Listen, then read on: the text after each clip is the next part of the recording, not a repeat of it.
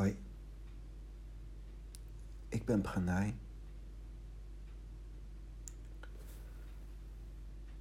Ik wil het hebben over hoofdstuk 17 van Lao Tse, Tao Te Ching in de vertaling van Christopher Schipper.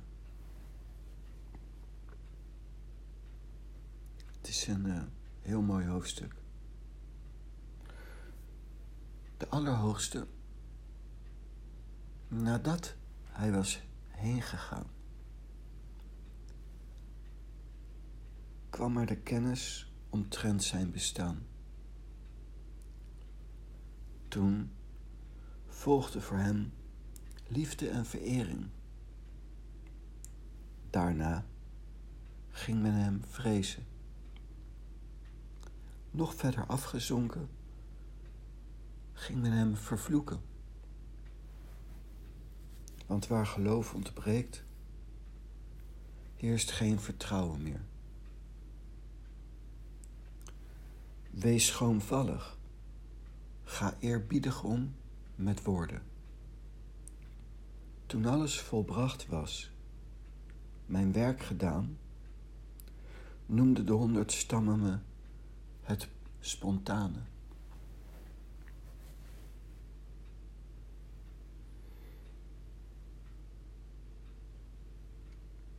De Allerhoogste,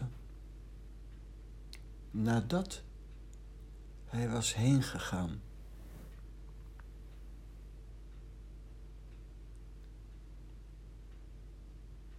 En dat is iets interessants. De Allerhoogste creëert deze wereld.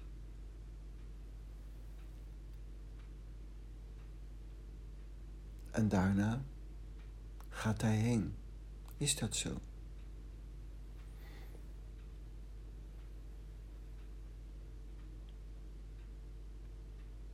Nou, wezenlijk niet. Maar ook op een bepaalde manier wel.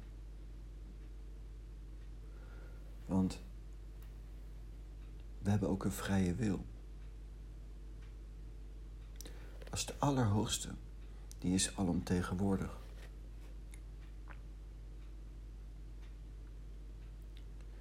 En in die alomtegenwoordigheid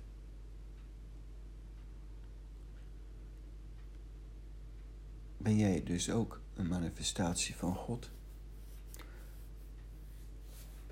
Maar God is ook almachtig. En dus bepaalt God in wezenlijkheid wat er gebeurt. In hoeverre heb je dan een vrije wil? Het is interessant om eens bij stil te staan. Dus je hebt Gods wil en een vrije wil.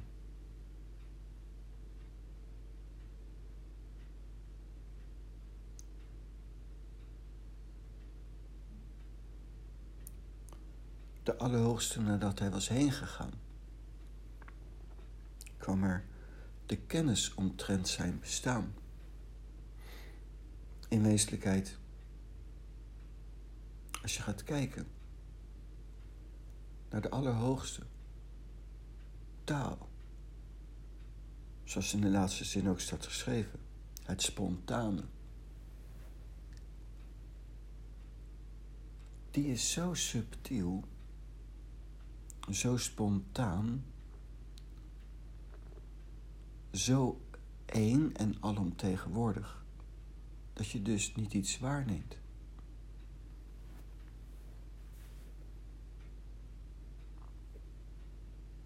Alleen nadat hij was heen gegaan,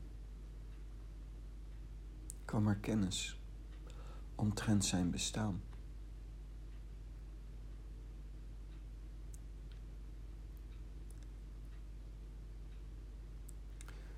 Dan ontstaat dus dualiteit.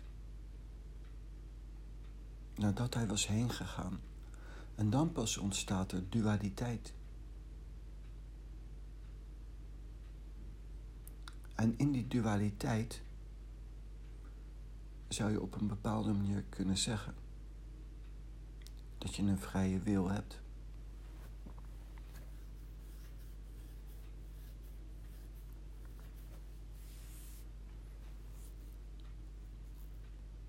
Maar ga je door pinpointen op het idee, op het feit dat God alomtegenwoordig is, maar ook almachtig is. Hoe zit het dan met je vrije wil?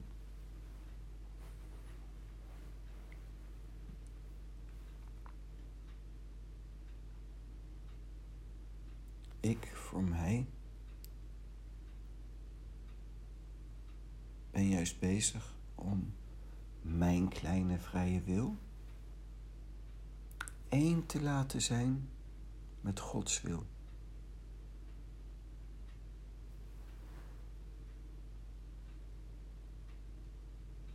Wat uiteindelijk achter de vorm al zo is en tegelijkertijd niet.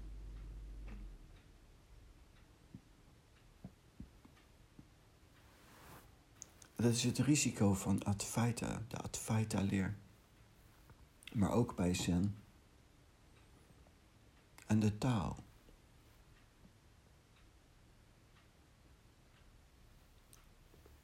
En ook de Tantra.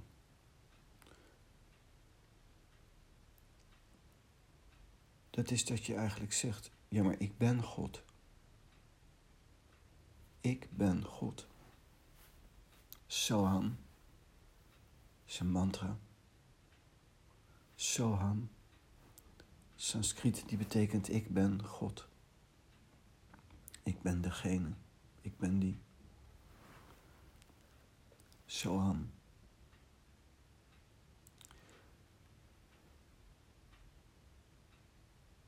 En daar is het dan mee klaar. Ik heb wel eens van mensen vragen gehad. Maar ik ben God. Wat zal ik dan nog doen? Ik hoef toch niet iets te doen? We zijn er toch al?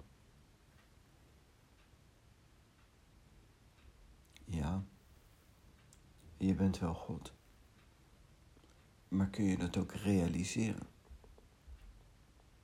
In hoeverre ben je daarvan bewust? Je kunt het rationeel aannemen, maar in hoeverre ben je ervan bewust?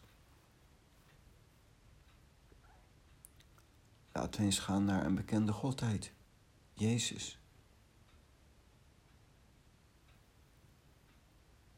Die liep over water. Kun je over water lopen? Niet dat het belangrijk is dat je over water kan lopen, maar even als demonstratie in hoeverre ben je je werkelijk van bewust wie je bent. Dus nadat hij was heen gegaan, hij is heen gegaan, want we zijn dualistisch, maar hij is niet weg. Tegelijkertijd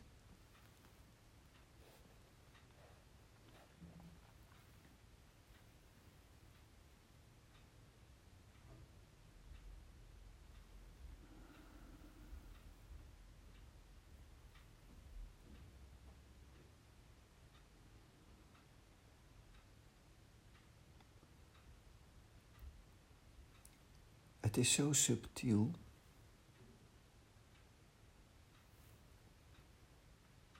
Zo eng.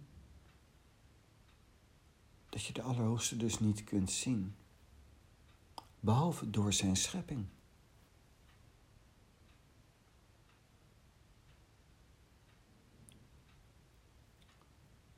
Dit,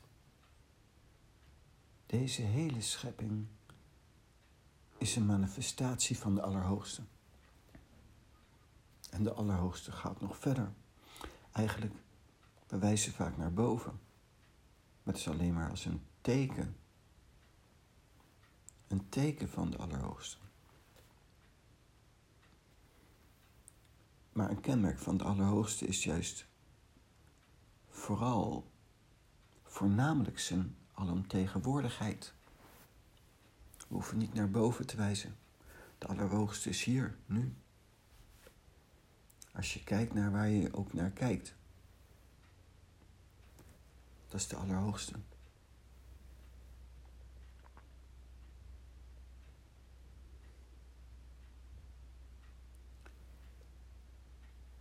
Toen volgde voor hem liefde en verering.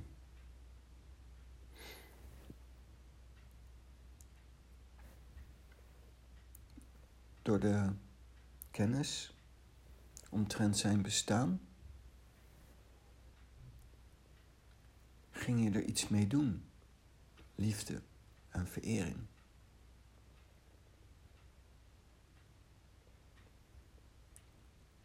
Dat kan. Dat is uh, de weg van bhakti, devotie. Maar eigenlijk, nadat hij was heen gegaan, kwam er de kennis omtrent zijn bestaan, is dat dus eigenlijk al een verflauwing, een verwijdering. En door die verwijdering krijg je als reactie liefde en verering. Dualiteit. De dualiteit geeft liefde en verering.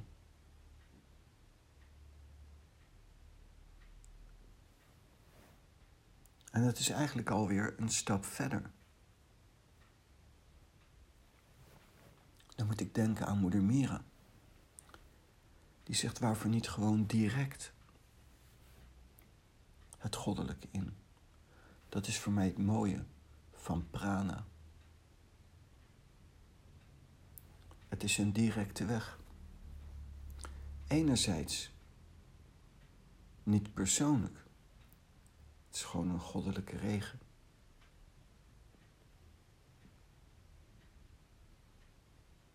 In feite valt hij niet te vereren of lief te hebben. Je kunt gewoon stoned zijn. Verder gaat het niet.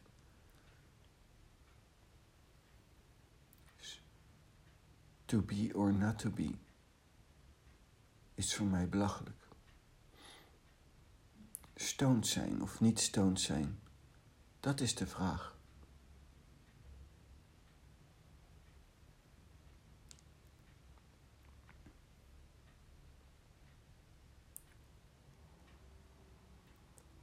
En het mooie is dat het stoned zijn, het gebruiken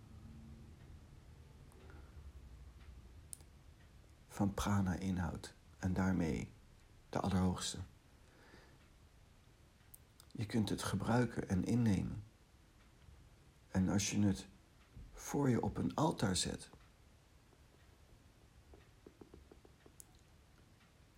kan je hem eigenlijk niet gebruiken.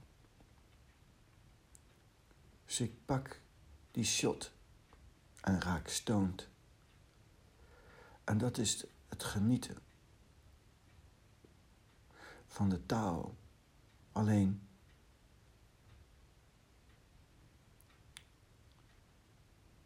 zonder verering, zonder liefde. Gewoon zijn, naakt en stoned is voor mij het mooiste wat er is.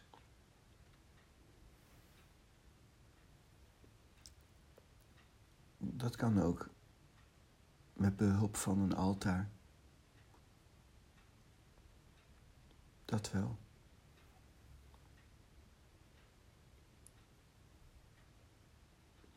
Daarna ging men hem vrezen. Ja, dus dan heb je dus een God een Allerhoogste. Die is alomtegenwoordig. Door niet gewoon te zijn en te leven, splits je af. Gewoon te zijn en gewoon te leven moet ik ook denken aan veel dieren. Aan een haai bijvoorbeeld wat een extreme persoonlijke macht zo'n beest heeft. Want die zijn zo alert, zo wakker, zo omzichtig. Die hebben zo'n persoonlijke macht. Zo groot. Alleen ze missen een bepaalde bewustzijn. Het verschil. Maar die kracht is mooi.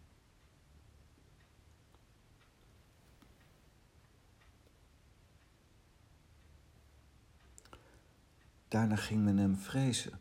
Ik denk ook kracht, macht. Dan ga je hem vrezen. Dus in wezen weer een stapje lager op de ladder. Dan ga je hem vrezen. God vrezen, maar God is een liefhebbende God. Dan ga je God vrezen. Maar God is niet een persoon. Dus je kunt gewoon stoned zijn, baden in God. Maar stoned zijn werkt alleen maar vanaf afgescheiden zijn. Dat is een belangrijk iets. Heeft Osho ook eens gezegd bij Kundalini. Kundalini is alleen werkzaam als iemand afgescheiden is. Als iemand niet helemaal één is.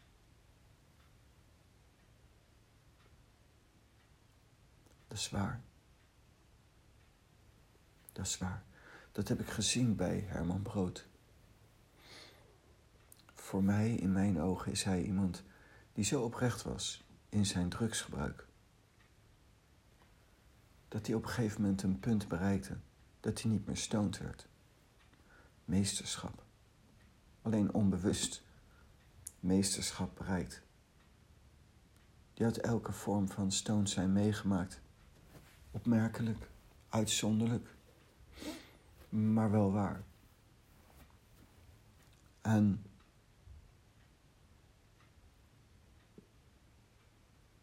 raakt dan niet meer stoned. Er is een afgescheiden zijn nodig. Om stoon te raken.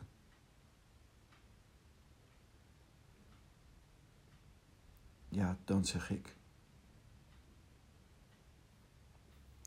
Voor meesterschap zal ik elke vorm van pijn ondergaan, maar waarom? Elk plezier, elke vorm van genot klinkt veel beter elke vorm van stoned zijn. Klinkt wel goed. Daarom noem ik het tantrisch. Ben ik een tantrika. Maar grappigerwijs worden tantrika's vaak als minder gezien.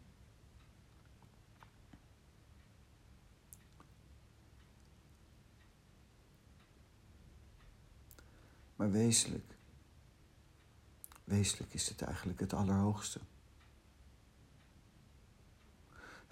De tantrika's zijn stoned, extatisch.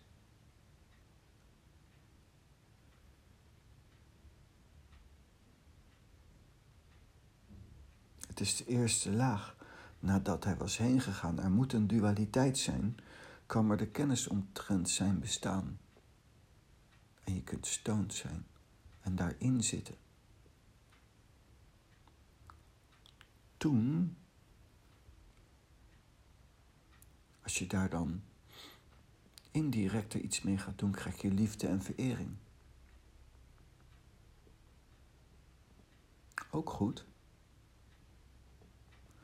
En daarna ging men hem vrezen. En je kunt het zo zien. Als je God gaat vrezen, ga je in eerste instantie uit vrees leven volgens de Dharma. En wat gebeurt er als je gaat leven volgens de Dharma? Dan ga je hem niet vrezen, dan wordt hij een metgezel. Ga je hem lief hebben. En vereren. En als je God lief hebt en vereert, word je er dieper één mee en raak je extatisch.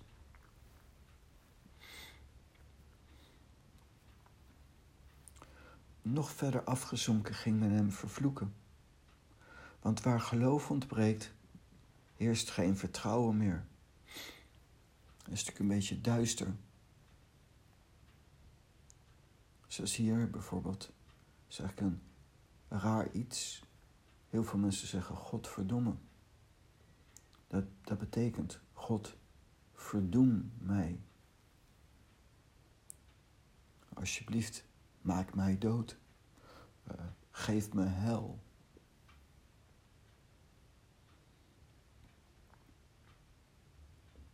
Want waar geloof ontbreekt, heerst geen vertrouwen meer. Maar mensen denken, ja, hij bestaat toch niet. Het is eigenlijk een enorme afzet. Emotie van wantrouwen. En als er dan niets gebeurt, zeggen ze, zie je wel dat hij niet bestaat.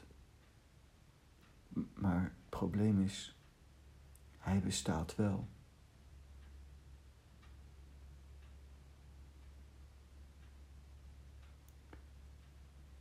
En het is heel essentieel.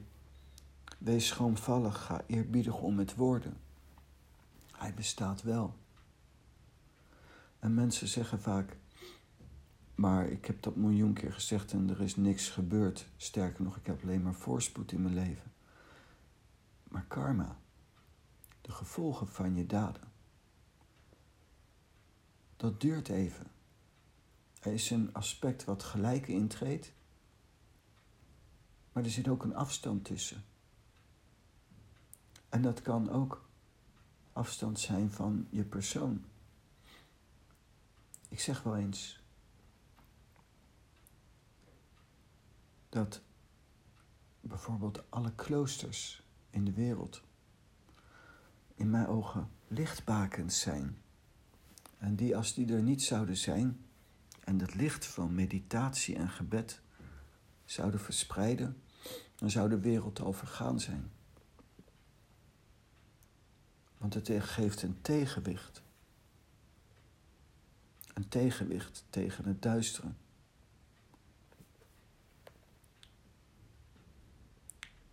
Maar hoe komt, hoe komen eigenlijk ziektes, extreem veel depressiviteit, ongelukkig zijn, in zoveel vormen in deze wereld?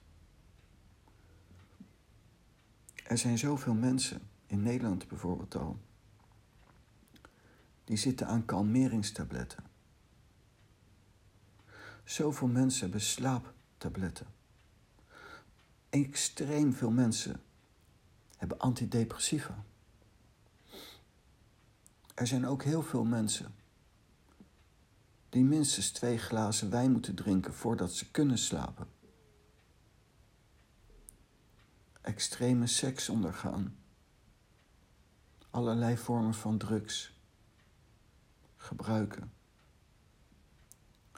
om rustig te worden.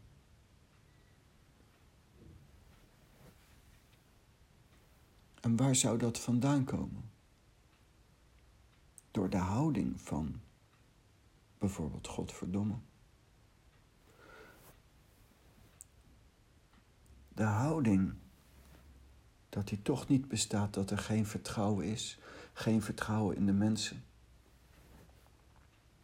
geen vertrouwen in het bestaan, geen vertrouwen in een toekomst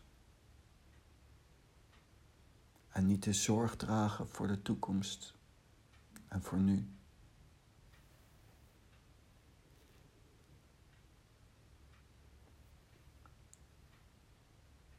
Nog verder afgezonken ging men hem vervloeken.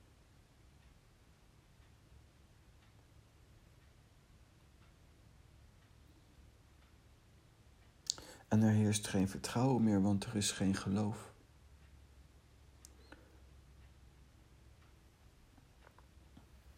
Dat is een situatie die eigenlijk wel actueel is. Maar wat houdt dat eigenlijk in? bijvoorbeeld geen geloof hebben in de Allerhoogste. Nou, één is bijvoorbeeld dan ga je je hel zoeken in seks. Ik ben niet tegen seks, maar dan ga je daar overdreven je hel zoeken in relaties. Dan, dan ontbreekt je geloof. Dan zoek je je hel in suiker, in eten. In geld, macht. In allerlei uiterlijke dingen. Want je beseft niet, je gelooft dus niet dat die dus bestaat. Je hebt er geen vertrouwen in. Dan denk ik aan Boeddha. Bevrijding is mogelijk, zegt hij. Mensen hebben geen vertrouwen meer. Wat gebeurt er dan? Als je je geloof en je vertrouwen mist, ga ik je ontmoedigd. En dat is pas de hel. Ontmoediging. Cynisme. Noem alles maar op wat daaruit voortkomt.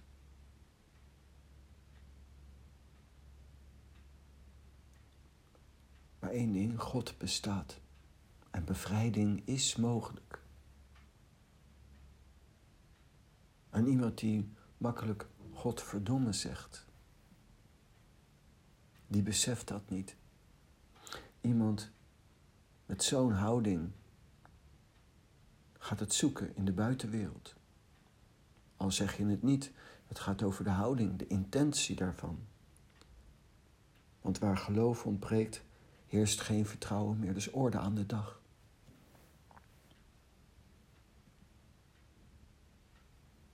Maar ook intern in de mensen heel veel.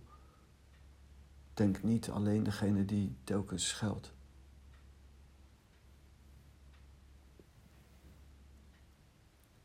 Wie ben ik? Je bent God.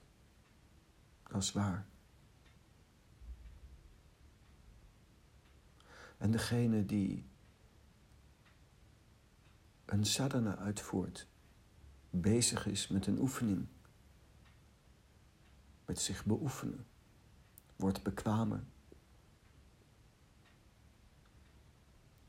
Soms duurt het eventjes, maar je wordt bekwamer. Iedereen die beoefent. Amma zegt, ieder als je ook maar één seconde in meditatie zit, dan is die niet voor niets. Dat is ook mijn ervaring. En soms hoor ik mensen zeggen: Ik was zo onrustig, mijn meditatie liep niet en toen ben ik maar gestopt. Nee, nee, nee. Stop met die zelfobsessie en jezelf opleggen dat je perfect moet zijn. En in plaats daarvan beoefen. En heb vertrouwen en geloof in het goddelijke, in de Allerhoogste. Niet in jezelf, maar in het goddelijke. Het moment dat ik me bewust werd dat ik verlichting ging bereiken, was het moment dat ik me bewust werd dat het niet van mij afhankelijk was, mijn vrije wil en Gods wil, en tegelijkertijd ook een beetje mijn aan mij zou liggen, in die zin dat ik wel moet gaan oefenen en door moet gaan met oefenen. Geen uitstel, geen gezeur, gewoon oefenen. En dat niet door de briljantheid van mijn oefenen, maar door de liefde van God, of door de, ik noem het de liefde van God, alsnog toch, ondanks mij, ik bij God kom.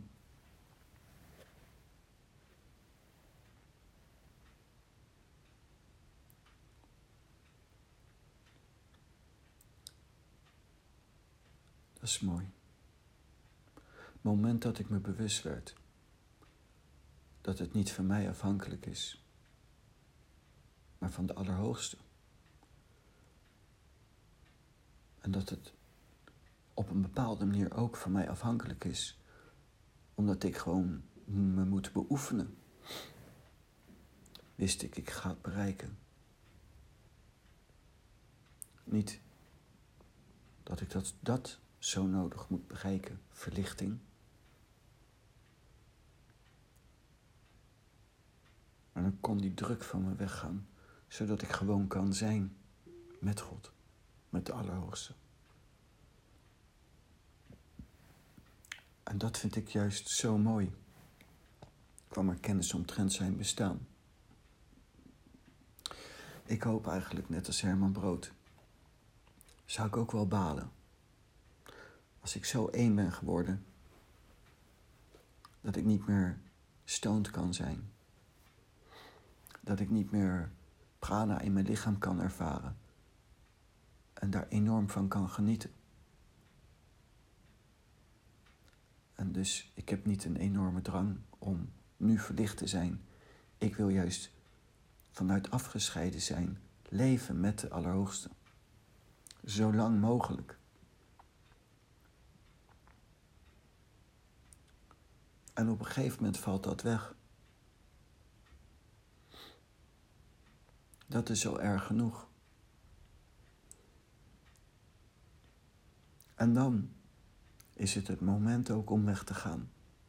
Als het wegvalt, valt het weg. Dat is oké. Maar dus niet vanuit afgescheiden zijn. En dus niet vanuit ik moet hier zo snel mogelijk uitrennen uit deze wereld. Want het is minder. Liefde is ook mooi. Kennis omtrent zijn bestaan is ook mooi. Verering is ook mooi.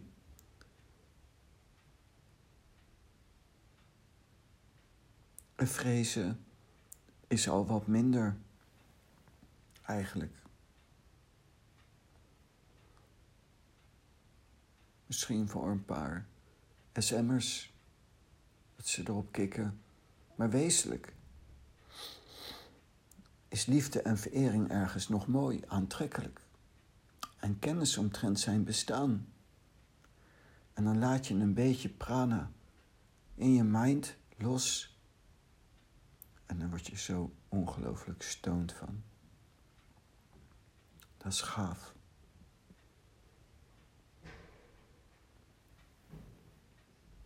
Toen alles volbracht was, mijn werk gedaan, noemde de honderd stammen me het spontane, de Allerhoogste. De Allerhoogste. Zo spontaan. Zo subtiel is God aanwezig. Zo spontaan.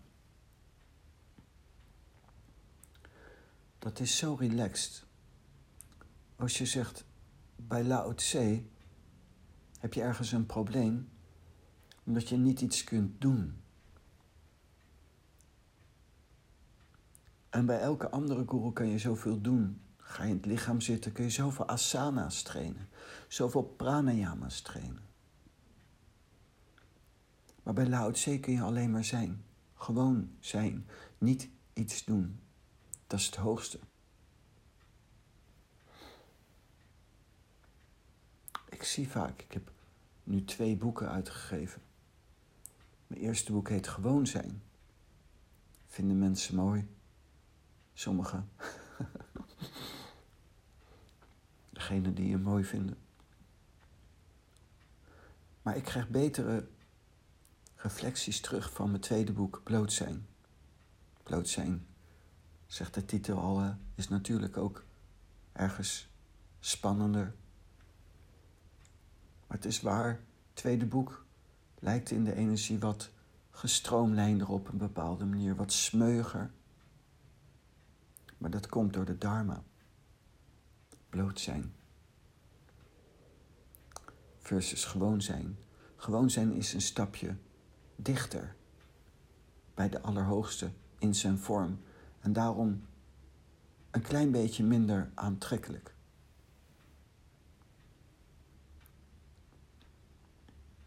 Dat is de opzet. Ook. Wanneer je dieper de Allerhoogste zoekt, dan zul je dat minder aantrekkelijke ergens aantrekkelijker vinden. De kennis omtrent zijn bestaan.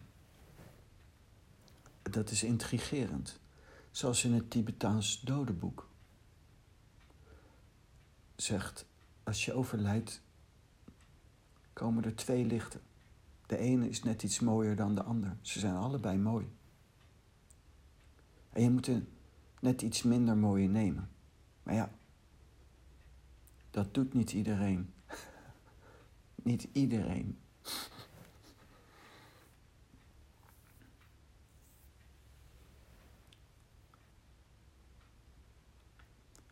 En dat is gaaf. De Allerhoogste. Je bewust worden van de stappen. Naar beneden, maar ook dus naar boven.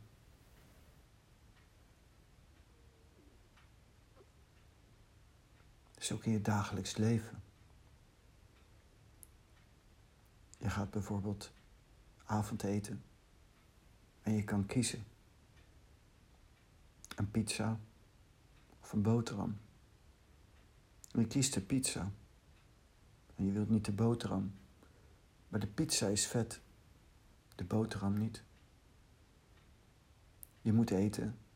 En je moet eten om gezond te zijn, om je voedingsstoffen binnen te krijgen. Baba heeft wel eens gezegd: zie je eten gewoon als medicijn.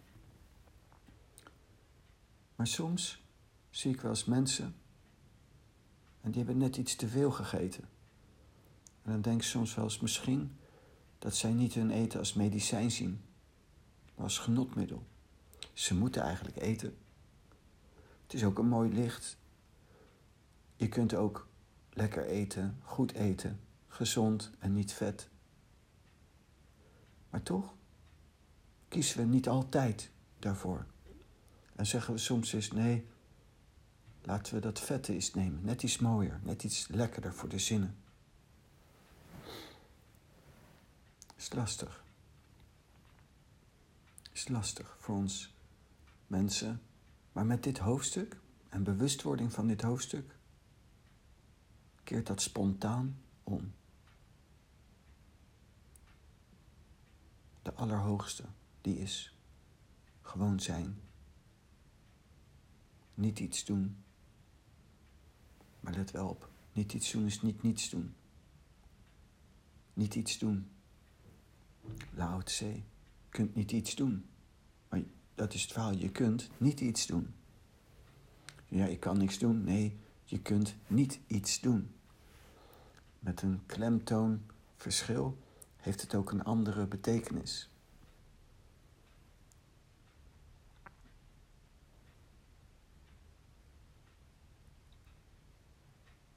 Nou.